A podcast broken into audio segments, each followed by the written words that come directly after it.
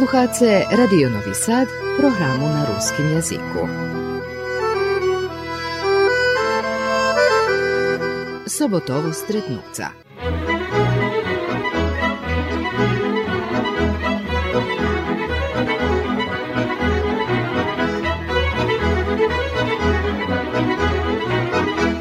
Počitovaní sluchače u dneškajšej emisii poznám jeden mladý človek, lebo, jak by mi to Valalčanie povedli, mladý bači, bo teraz nedávno mu bola svazba oženia, že robíše o Borisovi Barnovi zo Zruského kerestúra. Dlho radzime a tu svadzba, chyža še opravia, bolo dosť roboty, tá, eh, až teraz sme sa ako tak, našli. Tak, Hej. Volali ste dok som bol legenište, teraz už mladí bači, ale našli sme sa. Znáš od príliky, jak je misia vypátra, narodzení si u familii, ktorá je ako šik u kultúry i, i mať, i otec tu boli, i verím, že i ty. Tak, rodzený som u Keresture 24. augusta 1993 roku i tu som i teraz. Bol som jeden čas v Novým Sadze a ja som sa vrátil do Valalu. Mladosť, detinstvo, tu si osnovnú školu zakončil? Tak, osnovnú školu som zakončil u Keresture, predlúžil som gymnáziu, tiež tak. E, posle toho som pošol na fakultet do Novog Sadu, e, fakultet za sport i fizičné ospitanje i već sam še vracal do Kerestura. Budeme všelijaki o tým, ale ako sme interesuje toto dzecinstvo, jakši po otcovej linii bardziej, či po macerovej? Hvária, že zdávem bar na oca, taký charakteristiky tiež na oca, ale som pocahnul za i na macer. E, príklad, viazano za, môže byť školstvo, učenie, točnosť i také, to som pocahnul bažej na macer. A u kultúry som, hrajem harmoniku, špíval som, to môže byť bažej toto muzičná časť na oca. A vidím, že tu harmonika u kúce toto chýte. Hej, tiež tak nespomnili sme, zakončil som osnovnú školu, tú kerestúre muzičnú, uh, u klasy nastavníka Miroňa Sivča i otec nahovarjal na ešte prejsť na strednú muzičnú osadu s tým, že som znal od priliky, dok som bol ešte osnovná škola, že by mi bol nastavník fyzičného. To mi bolo také žadanie od malička. Tak som vec predlúžil gymnáziu, že by posle mohol pojsť do osadu. A u kultúry tu si od detinstva? Hej, tiež e, hrali sme u orkestru so nastavníkom, bolo da som viazaný za Dom kultúry so Šťamom, popri toho som špíval na rúži, na pupčecoch, stále aktívny.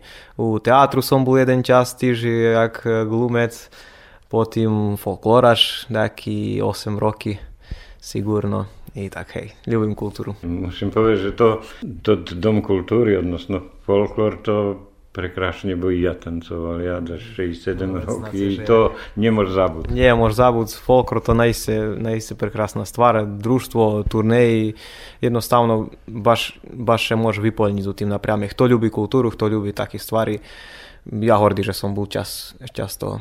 A to i druženje, mi tedy, kad ja tancoval, Vitomir bol ko repetitor i dajaki zamenik direktora, pan Olejar Janko, on bol direktor, Dom kulturi Tedi Jakošik, bar dobre stali, bilo nas bar zveljo. Ja tiež bol u tim periodi kad Dom kulturi bar dobro funkcionoval, tu bol išće i Čamo, Mimi nam bol koreograf, to po dva, tri turneji ročnije kvalitetni do inoženstva še hodelo, každi pijatok sobota probi, dobri probi i druženja posle, to ne može zabuz. Teraz dumam, že už nje, nje može buz na teljo, ali mi išće boli u tih, da povem, zlatnih časoh doma kulturi, funkcionovanja doma kulturi. To my tak dokedy mali tam i klub svoj, tam Dzešátka no. Gula, to tam sme mali mládež Doma kultúry klub a vecka posle bol to Hamza Bar, neznam, či sa to zdáduje. Neznam, neznam, znam za Dzešátku, e, to ešte môj otec dohral, tá tam še chozelo, a posle, keď my boli u domu, Doma kultúry, tá bolo hore jedna prostoria, tak tiše volal klub, ale nebolo baš tak na, na veľko. A toto, toto, to, to, predtým bol Hamza Bar, to no, také. No, to, to, to. Hej, chodili sme tam isto tiež posle, posle provoch dobré druženia bolo tam.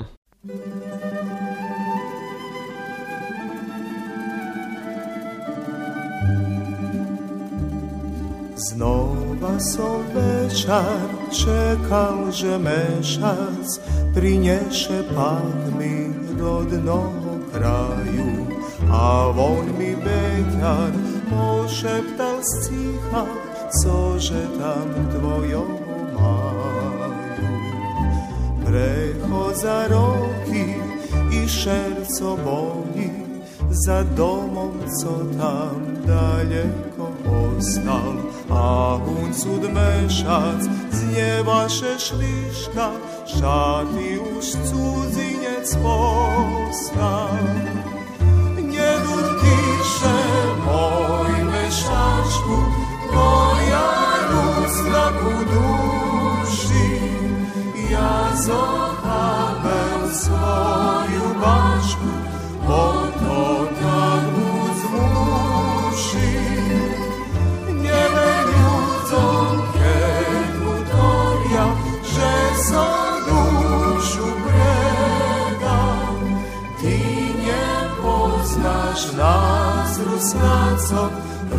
Rusnak biju njega.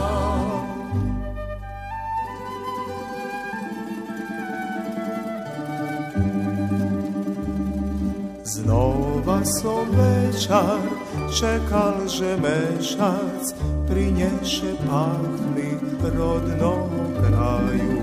A on mi beťar pošeptal z cicha, cože tam tvojom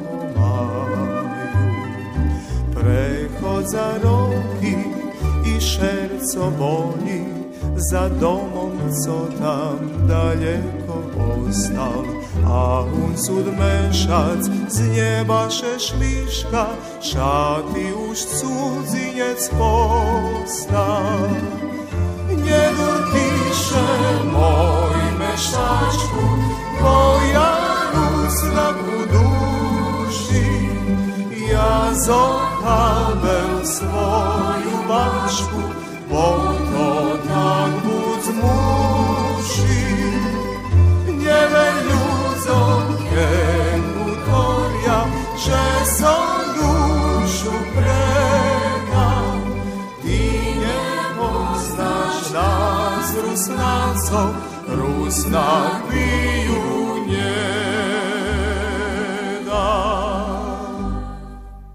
Co si ľúbil? Jaké družstvo bolo v detinstve? No, ja da u štvrtej alebo piatej klasi som počal trenirať z atletiku. Evo, to, som, to som treniral može buď do nejakej druhej alebo trecej e, klasy strednej školy.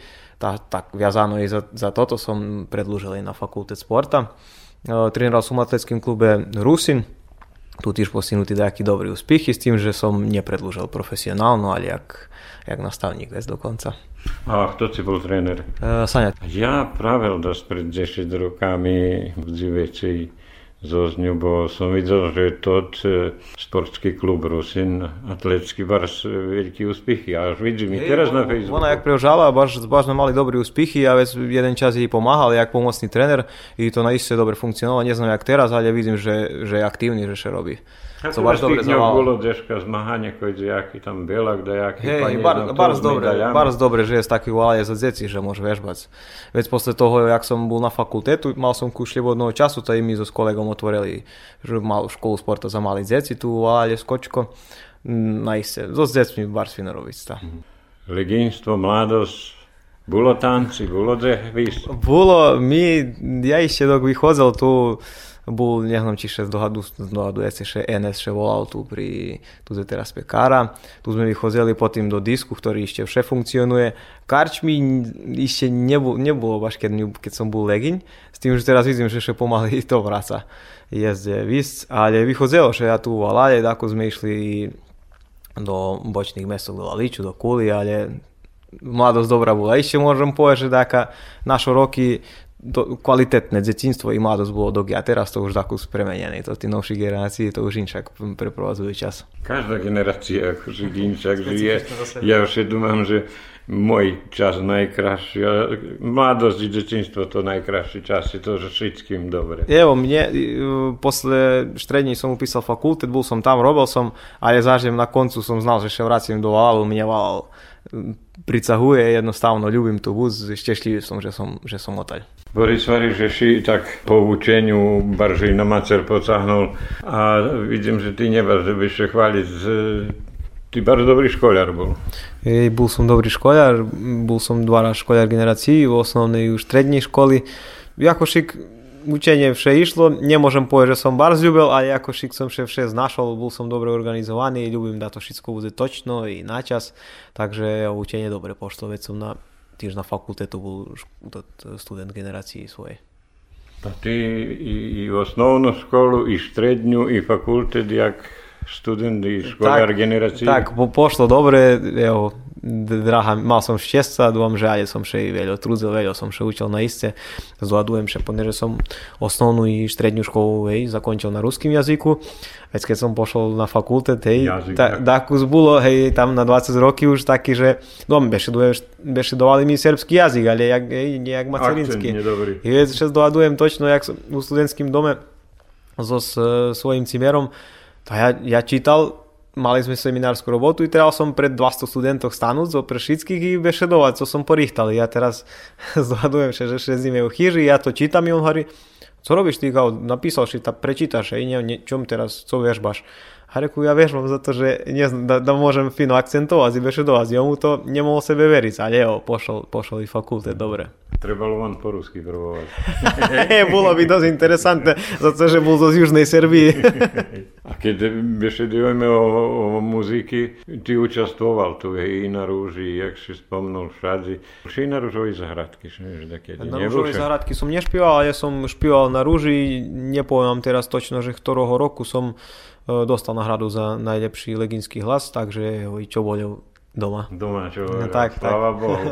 I, znači Macerová linija odnosno žadanja i od tak, toho evo, spojnjeti. naiste še pospišelo, bud naiste uspišni na, i na, po Macerovim boku i po Osovim.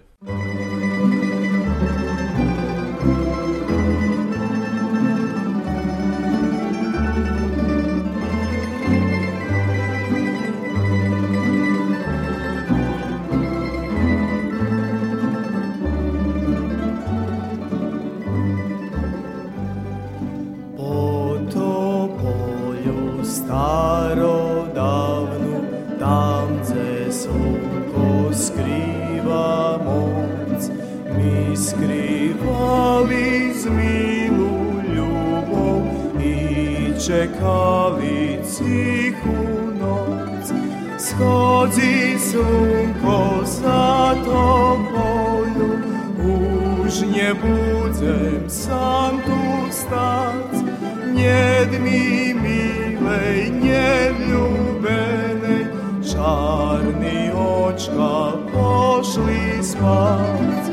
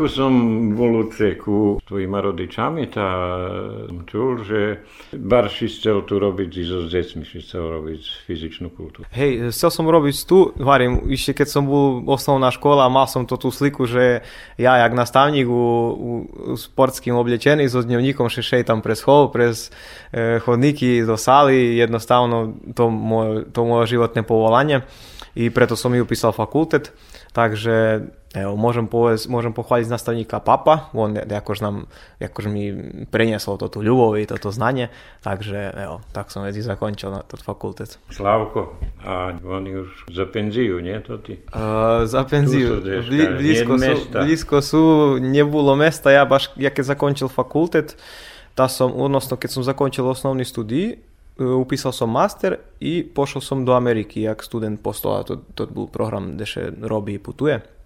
Posle toho, jak som še vracel, ja tiež ešte bol v Novým Sadze, mal som studentský dom, tá me baš u tým čaše volali da pomáham jak asistent na fakultetu. No to som tam počali robiť, e, nazdávajúci še, že idem, budem napredovať u tej, da poviem, kariéry. E, medzi tým nebolo tak, jak som očakoval, ale ako šik som u tým prerúcel, že zaždem ja pôjdem do Valalu i budem robiť jak nastavník. No, tedy, keď ja nadúmal prejsť do Valalu, nebolo mesta, takže som še prerúcel na nejaký druhý fakt a teraz nerobím, nerobím u svojím fachu. Ale už si spomnul, robil si jeden čas so decmi. Mne sa vidí, že nie znam, to boli vás dvome deci pre letný odpočívok chodzili ja unuku vodzol tu do tak. školy na tréningy. Tak, tak. My, to, pred my, to dvome, my to dvome otvorili, ponieważ ja dok bol na masteru, nemal som veľa oboviazky, to master môže byť 2-3 dní týždňovo, takže som bol veci u Kerestúre i my 3 raz týždňovo trimali to tú školu sporta za mandi deci. Denis Hardio mi pomáhal, mi to jedno otvorili. Tá bolo dosť interesantné s tým, že dalej, ak som upísal doktorský studii, trebalo mi takú z veci povahy učenia u Novým Sádze, Denis mal svoje oboviazky, takže sme to jednostavno prestali robiť. I potom som bol jeden čas u Novým Sádze, ale som zaž, znal, že prídem do Valalu, lebo som nadúmal, že tu budeme žiť zo supruhu. I evo, tu sme teraz. Spomnul si Ameriku, jaké si to iskustvo tam, ktorý to čas? No, ja bol na master studioch a supruha Adriana bola perší rok.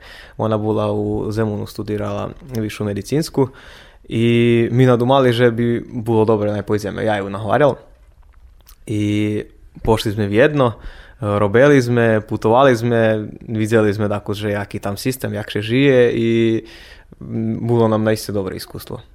Nepocahlo vás? Uh, bolo nahody, to tí gazdovo, co nám, co nám boli tam, co nám dali nahodu robiť, tam nás volali, že by nám pokončili so s paperami i pomohli nám, no ostaneme tam, ale jednostavno hovorím, ja celý život som ako šik znal, že u tým valade chcem buď do konca života, takže o. Šerco tu cáha. Tu, tu šerco cáha, to kerestur, to ja neznám, to nemôžu opísať.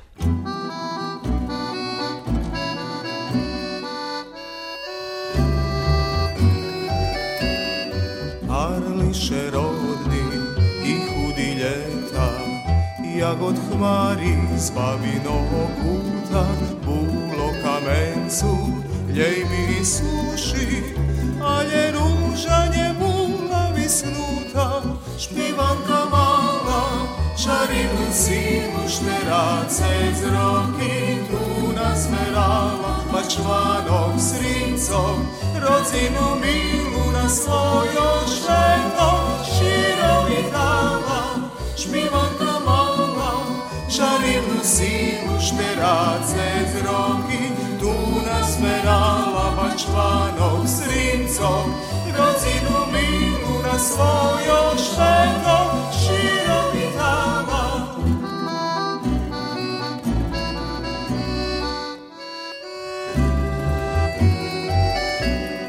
Keljo mladosi, u pisnjog tancov, kvitli pachli, buket skladali roki menjaju nas i mudaco, a ljez bez ružu mladi ostali.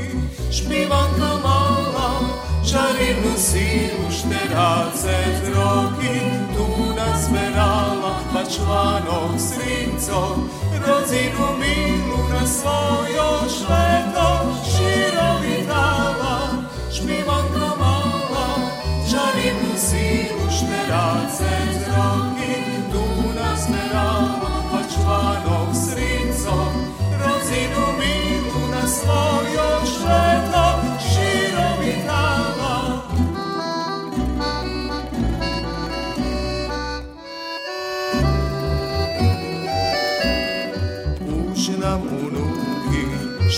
kraju hraju Snivavše kraši, ked mladosti Ordi zvekedi, šveta zberaju Červeni ruži, šveta radosti Špivanka mala, Čarinu sinu Šterace zroki roki, duna zmerala pa Mačvanom svincom, rozinu minu na svojo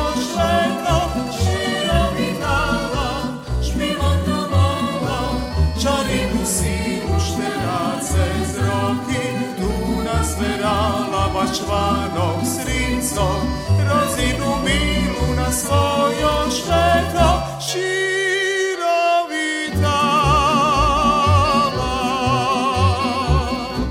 Znači, upoznal si Ameriku, Novi Sad, si Tak. dobre upoznal. Tak. Keľo roky si bol? E, 7 roky u Novim Sade. 7 roky. Som noči, že si doktorský... Doktorski studij som upisal, perši rok som i zakončil. E, tam som i robil, hovorím, pomáhal som jak asistent, s tým, že u tým periódze mi môže buď trebalo baže obezpečiť za akú existenciu i e, tam som veľa času preprovadzoval a môže buď som nerobil teľo, teľo veľa za sebe jednostavno som nadúmal, že prichodzím do Valalu i tu, tu predlužujem. No takže som doktorský studij napúšťal, ale u medzičaše som mm, išiel na kurz programovania, čisto pre sebe, že by môže buď dakedy zatrebalo, no tá i mi zatrebalo, poneže teraz robím u tým fachu. A co to si, jak se hovorí, ňahal doktorský studij? Hej, doktorský studij som vec po tým jochabal. Poneže doktorský studij, keď bym zakončil, to minimum 3 roky, plus taký rok ešte 2, že by še celkom zakončilo so disertáciu, so všetkým a mne to už, eh, jak da poviem, eh, môže byť tak mm, nezgodno povedať trošiť čas, znajúci, že hoďak prídem do Valalu a so s doktorskými studiami nemôžu robiť zo školy. Odnosno môžem, že nebaš, nebaš im páči. Že by to bol prekvalifikovaný za svoju pozíciu, takže som vec po tým, jo, to jeden rok som zakončil tak čisto, že viem, že sám sa dovolil, ale vec som ich napúšťal. I neplánuješ ani predložiť nič. A nie, nie za to, že doktorský studij viazaný, znači robota so s doktorskými studiami viazaná za Novi Sad, za fakultet, môže byť Beograd až, ale tu na Valade nie potreby za takým. Master studij celkom dostatočný za školu tam. Znam, že si oženetý so ženu, ktorú som pred pár rokami snímali. Oduševil som sa, že jaká je ona, jak, jak ľubí kerestur, jak ľubí dom kultúry. Kultúry, tu ste sa ozaj upoznali. My še baš prenašli zo supruhu Adrianu tým, že sme od počiatku znali, že chceme buď tu. Ona baš zviazaná za Vala, ľubí kultúru, baš, baš še pošvetila k tomu. Takže evo, užívame u tým, že sme tu teraz i že, že môžeme pomohnúť i kerestúru, i kultúry, i ľuďom. A co robíš teraz? Jak programer? No hej, da predlúžim, jak som, jak som na doktorských studioch mal kus slobodného času, ta som učil kodiranie, takú som vežbal. Neobčekujúci, že budem takedy robiť s tým, ale me interesovalo, že jak to, či možno učiť, môže buď takedy za treba. I u tých meša z dvoch, jak ja vracam do Valalu, nebolo ešte miesto u školy i Boris Sabadošov, Lisiov, me kontaktoval, že mu treba jedna osoba, ktorú by môže buď chcel naučiť, robiť. Ja še so s tým zložil i počal som so s ním, no tá som ešte išiel tam. To už tretí rok robíme testovanie softveroch. A to z, z domu zo zvalalu. A praktično hej, s tým, že my máme jednu kanceláriu, kde robíme nás 6 sme 7 sme konstantno, poneže za to tú robotu treba mať okremné miesto. No môže robiť zo, zo, z domu, ale ako šik vše treba mať robotný, robotný prostor okreme od, svojich chyží. To tak, jak my voláme u, u AKU, co Tak, je u. Kanady. Hej, to Tak, už rokami tam Hej, konzelária. my, tam na spratu, oni už robia sigurno ze 6 roky tam, evo ja, ja teraz tretí rok s ním a učím, že to robím. Tá už vás teľo je 6, 7, ja znam, že tam da s trome, štyrme robili. Uh, hej, v ich menej kus bolo, no teraz už berú i mladších, i nových, i obučujú, takže evo, tým še šíri co dobre zavával, poneže dobrí usloví a i jednostavno môže byť skôr za, za takú robotu už trebalo buď ljemu u Novim Sadze, lebo tak ze u Horodu, ze hej to tí firmy mali svoje konzelárie a teraz to už môže robiť tak povedz z domu. Za všetko robíte? Uh, moja firma zo z Ameriky, takže my pravíme aplikácie za nich, za doktoroch, pravíme medicínske aplikácie, je to dosť také ciekavé, poneže evo, ja baš počal, prehvarím, znači 2,5 roky, tedy baš keď počala korona. I my richtáme také aplikácie, kde, kde oblapjajú to tú koronu, takže u tým periódze Môže byť, keď šved bol u krízy so s tým, že hej, nebolo roboty, nebolo potreby, bo všetky boli zavartí, my baš mali veci roboty, jak treba. Tá také dosť, dosť ciekavé bolo.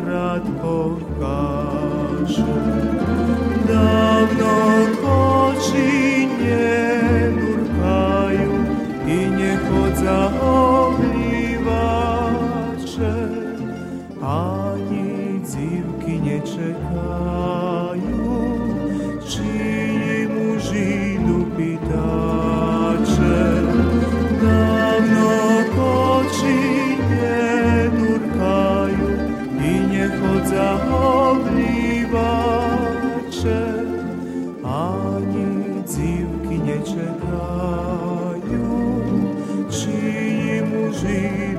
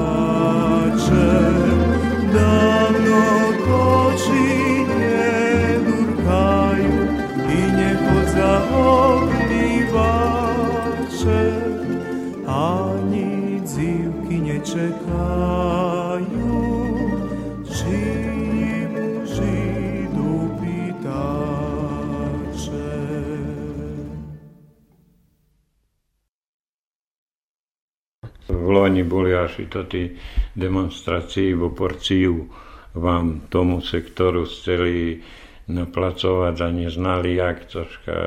Jak vy tu môžete zarobiť?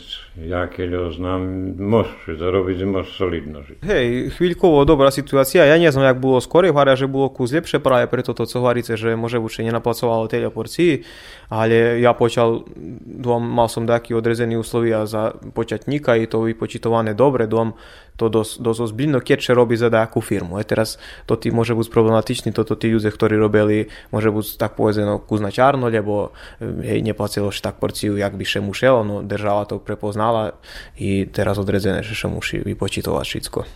A keď ho ty tu sigurný za, za budúcnosť, že budeš tu robiť do neznám kedy? Ja patrím z toho boku, jak ja, keď som še zapošľal zaňal do radia, tá po penziu. Tak, to, to, to hej, teraz príklad, da- keď by sme porovnali z nejakú državnú firmu, že, že človek, keď počíta, občikuje, že tam je zakončí, tu môže byť nie tak, tu, tu jednostavno človek, keď, keď má znania, tam môže, môže meniať robotu u smyslu, že teraz ja by chcel napredovať, tá pôjdem tak z incej, vidí, da co, zeše tak, hej, zeše tak, da co in lepšie ponúka.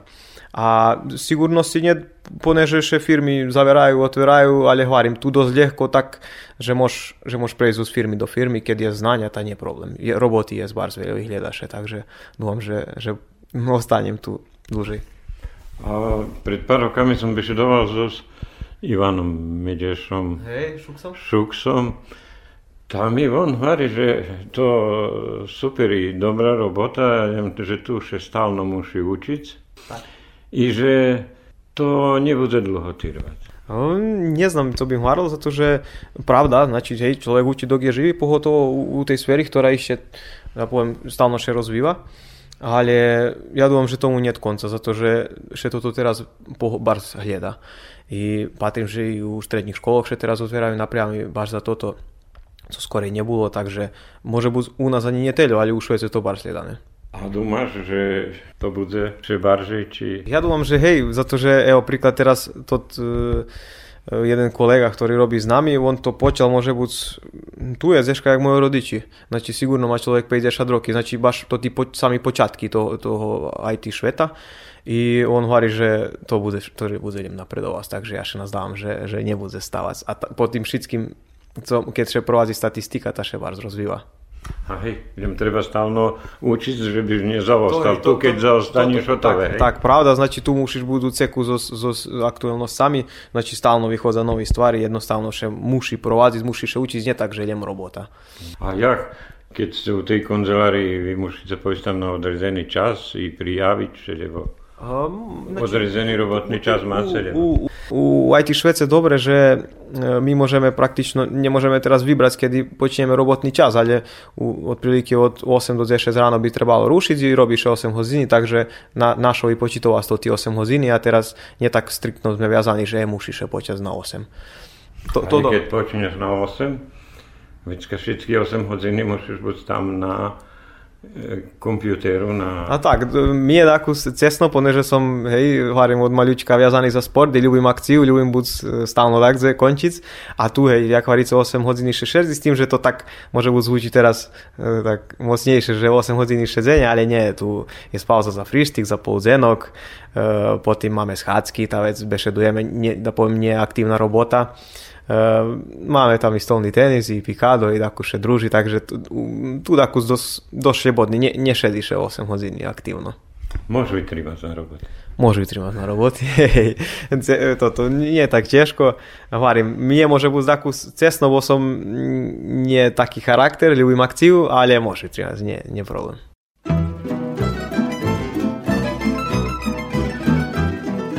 Nie tak dávno dobre znamec Alkominčak bulo. Z ruskih mestov to leginje daleko koše čulo. Dzivki vino i špivanka to život pravi. U cure u ljubljove šidu orakove Dzivki vino i špivanka to život pravi. Uko cure u ljubljove šidu orakove Keďže blahý večer spúšťal ty do karčmok slavných zášov. Prihúdať som zo špivanku spokoj duši svojej našou. Cívky krásny aňal košky spod okaše pripatrali, Viki buce potają ne liberali.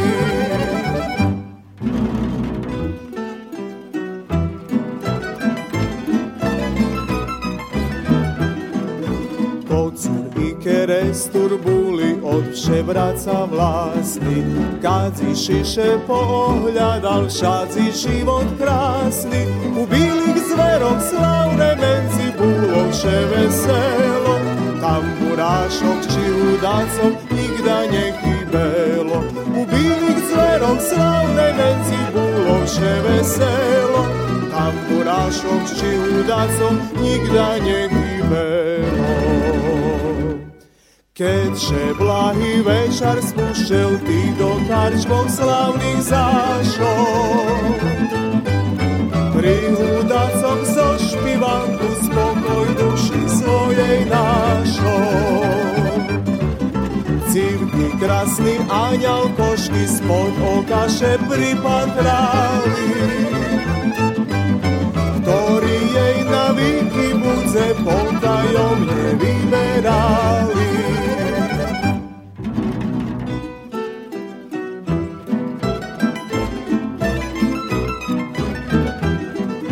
A zo srimu pamätáme len krásnu hodinu, nastavše viho seli jagljsku rodinu, na kirmajovčina sva zbog vino palje noćka, a u tancu virihtana na odajci vočka.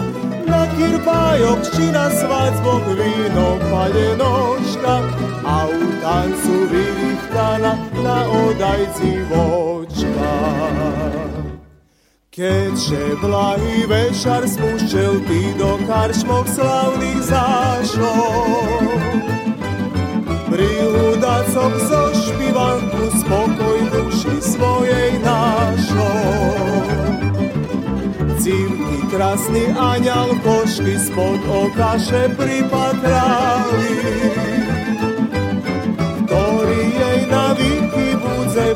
potajomne vyberali. Bešedujeme so s e, Borisom Barnom zo Zruského kerestúra. Zdohadujem, že otec, že on to dosť hral.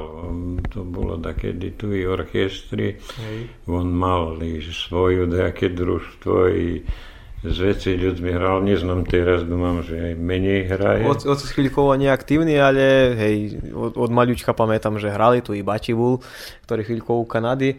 Takže to, tá ľubov ku muziky môže byť od oca pocahla. Ja osnovnú, to, tú osnovnú muzičnú školu i upísal na, na nahvárianie oca. Takže evo, dúfam, že, že to z jeho... A ty mal dajaké družstvo, da, okrem, že si hral v Dome kultúry, dom, či si mal tak, tak, že nastúpiť co ja znam orchestri, lebo jak mi to tak kedy volali vokálno-instrumentálny sústav. Ne, ne, nemali sme, keď domáce na muzičnú ekipu, nemali sme dajakú, dajakú grupu, ale ja to baš tak, e, mal som družstvo svojo pajtášov, ktorí ľubili že družiť, ľubili špívať, takže som im zahral často. Ale sme nechodili tak, da poviem, takže na svazbu, lebo takže ja to baš za, za ekipu, za družstvo. A ktorú muziku ľubíš? E, ja ľubím ruský národný bars, ale dom hľadaše Neška i Srbska, takže som naučil i také, ale za mne ruský písni bars. Hmm. Bars som jazaný za nich. Znám, že si šestra u Italii. Všelijak, keďže som sa z ňu pripovedal, ona bar zadovoľná tam i keď mi varela Píše fakultet ešte i plánu, plánuje zakončiť tak, fakultet tak, medicínsky tam. Či si neplánoval, či sa nepocálo tam? Tak, šestra v Italii dlhší čas. Namáhame ešte pojsť, kedy god môžeme k nej, kedy ešte jednoho času. Uh, boli sme tam, ešte tam bar spati. No, viazaný som zaval, tak som neplánoval tam pojsť, ale tam príklad hodnejšie víza Alpy, je blízko jej morio, majú ozera, príroda, bars prekrásna, co mne bars pricahuje. Takže bardziej by tam pojsť. Znači, mne, mne to, to prostor zevona tam bars fini. Ale pojď zopatriť a vrátiť sa domov. tak, pojď zopatriť a vrátiť sa i pojď do restorana na Begel, od toho net, net sladšie. A fakt, spomínaš Begel. Ja sa takedy videl, že sa po Begerjevu. E, co hodiš, treniraš na Begelj? Dakle? No, ja, ja ribi nje lapam, ali ljubim bar spojz na Begelj, čisto na poljni s bateriji prešejtat še opsom, pojzem na bicikli, ljubim pojz na motorki, e, jednostavno bardzo uživam u prirodi i obizem kruh kolo Širokoho, kolo Brani i to me, to me jednostavno. To, to, to moj sposob e, vyplňovania ešte vodného času. A ideš sám ti so suprugom? Idem so suprugom, idem sám so spajtašami, hovorím, ľubím pojsť s otcom. Takže probujem nahváriť uh, pajtašoch stalno da, da še ide, takže da kto ľubí bus doma, za mne, ja, ja idem da bude akcia daka a na Begelju môžem i odpočinúť, takže...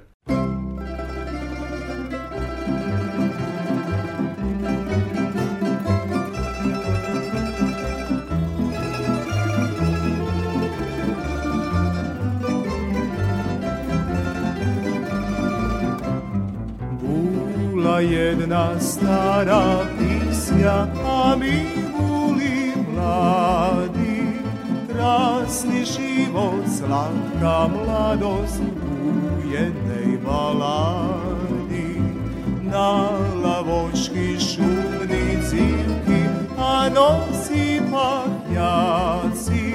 Naša pisnja i gitari, ej, buli to časi stara pismja, žice špivaju nješka ljuce, mlada si moja, plodam krašje pametaše duce. Ej, prijatelje, šitsko stareje, bivše mlači, tada jej vina, Svinom i pisju to živo najslači.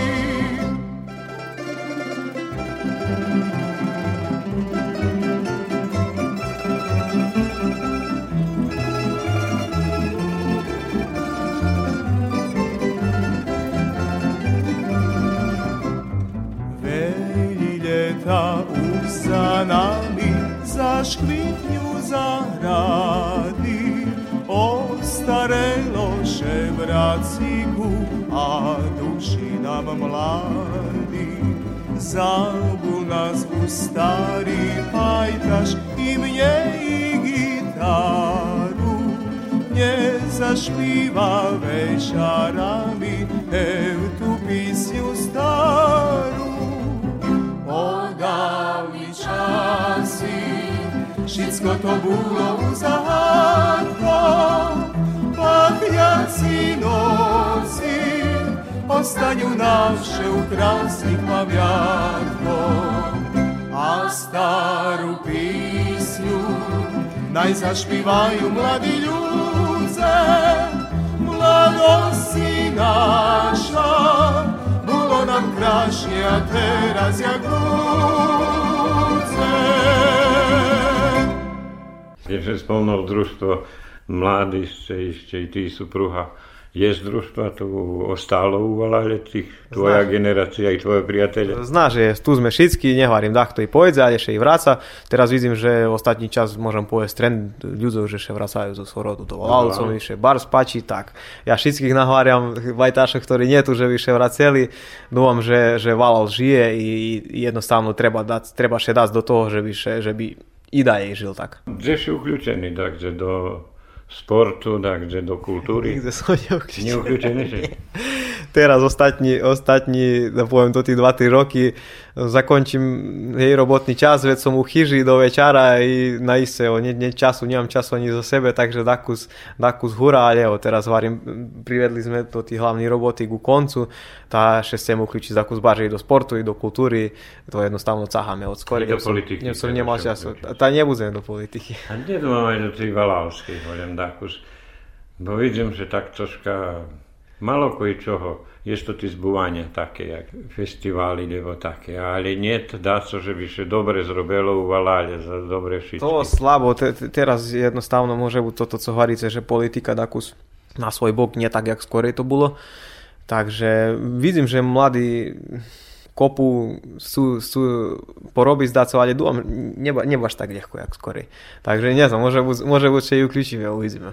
Ma, musíte sa uključiť, pretože poznám si supruhu, znam, že ste obidvoje energiční, že ľubíte to dva, ale na ostatku chcete tu ostať, chcete familiu tu Tak práve, zasnovať. práve preto by, by vrezelo uložiť energii, že môže byť nie teda pre nás, ale pre naše deti, pre potomky, že by im bolo echtejšie, Že by žilo. Tak, že, že nie, že by mohlo i ostať tu na Valale i mať, da poviem, všetko neobchodné. Ja še dodujem mojej mladosti, mojho detinstva, všetko sme mali.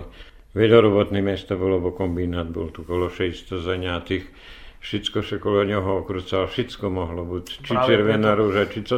Teraz my nič nemáme, všetko pobrané. Moždivosti takú, že musím pripoznať, že zúžení pohotovo na Valale, preto, preto mladí idú do, do horodu. Takže evo, dať všetko, dať všetko tomu, že by, že, by mladí ostali tu, bo vidím, že po strednej školy um, jednostavno mladí, mladí sú pojsť odtať, to, to je normálne, bo moždivosti Mm. väčšie. A jak patra tvojo, do tí parňáci, jak by sme povedali, tvoja generácia na situáciu v Valále? Co oni robia? Uh, väčšina mojich pajtašok uh, tu v Valale i môže buď uh, ostali tu, pretože im ostalo od rodičoch nejaká robota viazaná za poľoprivredu, takže evo, tu sme na, na všetky boky, ja ľubím pojsť do pajtašok pomáhať na poľo, i paprigu oberať, preberať, znosiť zmechy, takže ja, ja ľubím Valal práve preto, že, že u tým smyslu žije. No ja môžem byť nie u tým fachu, ale jednostavno ľubím, ľubím pojsť tak do akcií pomôcť. Pajtaše paprigáre? E, Jezdi po prigároch, je spajtaše trimajú švini, e, obrabiajú žem, takže naiste sme na, na všetky boky.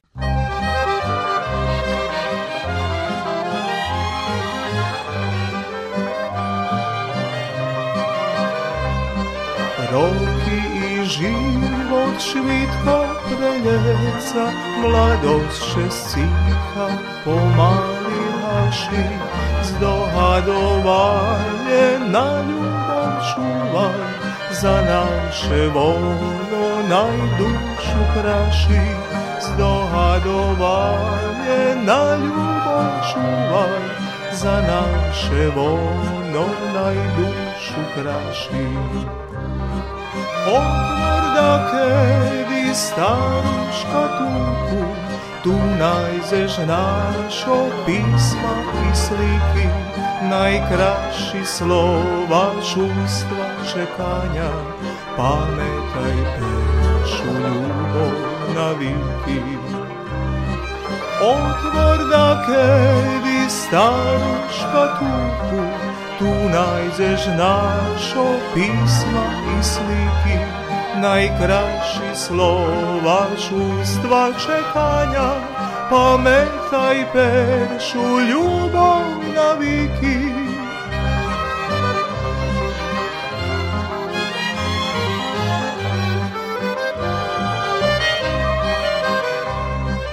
Не забудь красу нашей mladosti Blišćat suzari u mojem oku Vitri u vlas šitski pamjatki I ljubov pešu ščiru ljiboku Vitri u vlas šitski pamjatki I ljubov pešu ščiru ljiboku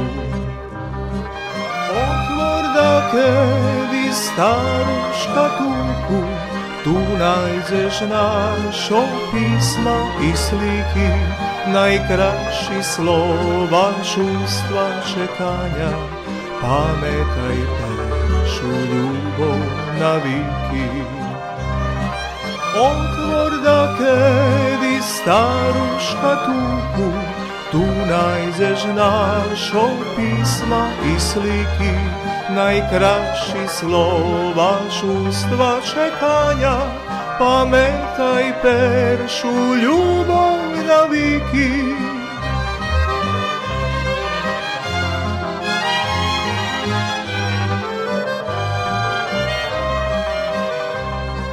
U svojim šercu čuvaj za naše nocima i ovo cihe šeptanje keď starost raz zadurka na zveri, moja ci ľubov výšno ostane, keď starost raz zadurka na zveri, moja ci ľubov výšno ostane.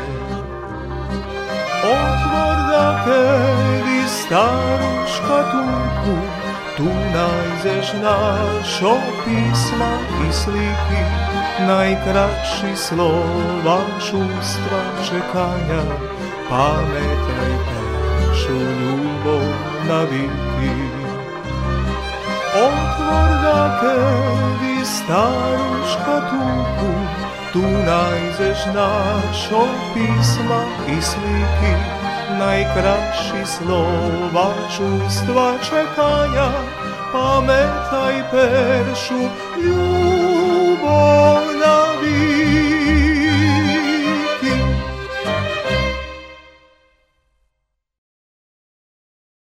Popri toho všetkoho, co robíš, e, da co se interesuje? Gido znam, že on zajac. Da kedy mal papagaj, verím, že... A jo, mám, ja, keď som bol malý, tak som mal bronchitis i moje kúpili kozu. Tá, tak veď som pil mlieka i ako som še vycáhnul, už ja som mal žadanie, že dok budem starší, dok som hozen, tak budem mať kozy. No, tam mi družstvo teraz za svadbu kúpili, kúpilo dva kozy. Tak evo, teraz môžem povedať, že som, že no, to robím so, so životyňami. No tam máme teraz dva kozy, tak chvíľko behám kolo nich. A dok som mal ešte vodného času, dok som ešte bol stredňa škola, tá som mm, opravil staré motorky. Vše som našol nejakú, nejakú starého Tomosa, tá som ho opravil, farbil. No to ešte vše, jak da poviem, mám žadanie, ale teraz chvíľko môže buď znieť času a je ľubou tu. Tiež ľubím bicykly, isto tak opraviať, lickať, dlovať do nich.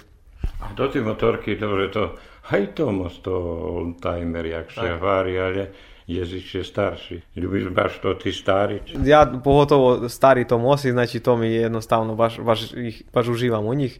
Zvodujem še da, nejaký 6-7 roky uh, od supruhy baba mala starú motorku i ona skoro bola, da poviem, u košare.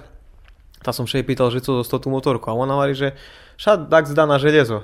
Ja hovorím, no keďo, že to na železo, tá ja kúpim. Hovorí, tá nebude mi predávať jeho vežnica sebe zrec. No tá ja ju nejaký 2-3 mešaci zrezoval, šmirdal, farbel i vypadla na iste dobre. Takže som mal na skeľo taký projekty, jednostavno užívam mu tým, tak bym vyplňoval svoj štebodný čas, a še nazdám, že ho i bude u, u budúcnosti. A teraz som chvíľkovo máš na jednu motorku? Chvíľkovo mám 5 motorky, 3 u funkcii, takže to tí dva by ešte trebalo dopraviť, že, že vyšický pace boli zrezené. Možno čas za toto, lebo... Môž, ja všetko ako slučí, že ja som príklad, teraz pôjdem do Žida i tam všetci jeho družstvo oprezí, vidím jednoho človeka, ktorý vchodzil na motorky, že je teraz na bicykli. Pýtam sa mu, že to tá motorka, on hovorí, tá cožka tam palenie, dobre, tá už studírajú i predaz. No, no je, da mi je on preda. I tak som šedzeška našol starú motorku i točno teľo je pohubená, že by ju trebalo kus, da, da kus dať z povahy i opraviť ju. No tá som vec za toto tu i naiste užívam u tým. Ale čas si možno aj zvolať. U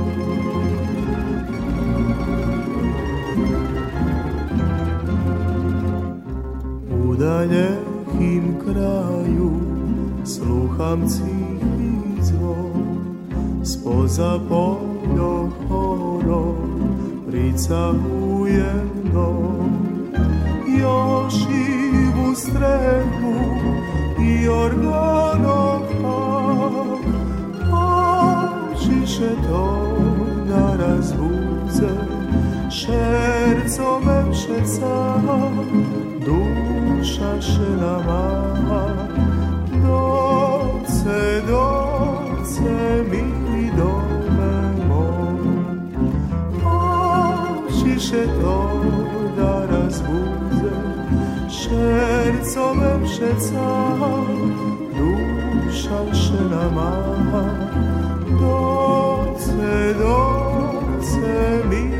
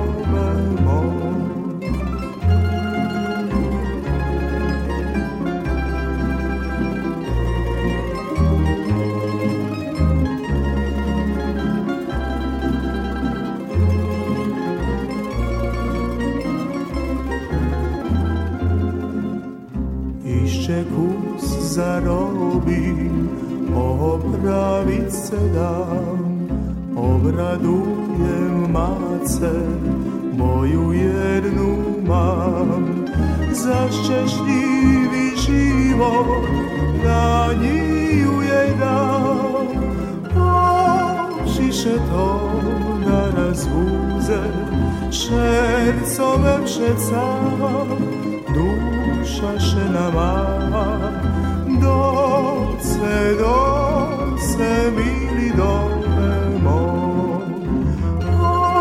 ošiše to da razvuze, šercove pšeca, duša še nama.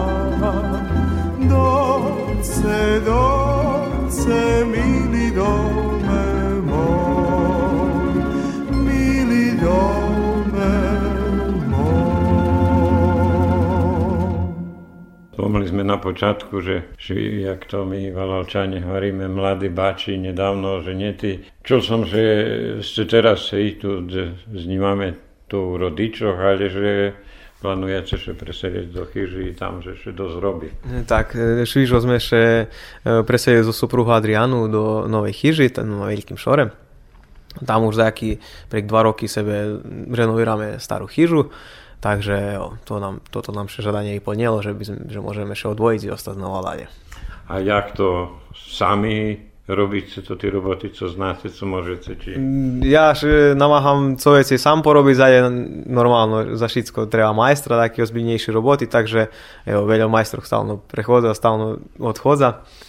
Ale tak namáhame všetko veci porobiť sami, rodiči pomáhajú, pajtaše, takže jo, gúrame, keď môže. Tu sme taký, môže byť týzeň, Takže jo, pomalejšie probujeme zvyknúť. A jak, e, keď ešte vodného času schodíte ešte tak? Hej, ľubíme pojsť, pohotovo víkend môže byť cez týždeň všetky zavřatí pre robotu i pre teraz sezóna i paprigy, robíš stále okolo žemi, ale je z času vše, vše je z času vše večer. A kde vy chodíte tak, že či do centru, do, do, do kafiču, do restoránu, či volíte pojsť jedni do druhých jak to da kedy žurka, žurka, ale druženje. Ša skorej, skorej barže bolo tak, že sme, že sme vychozeli do centru, do kafičok, tak do okolných mestok a teraz už še barže, jak sme starší, tak ľubíme tak šednúť doma, takú spodružiť, že da poviem, ne, nevízda kde, ale ostať doma jednostavno i vec. Tak, Jaký kotlik?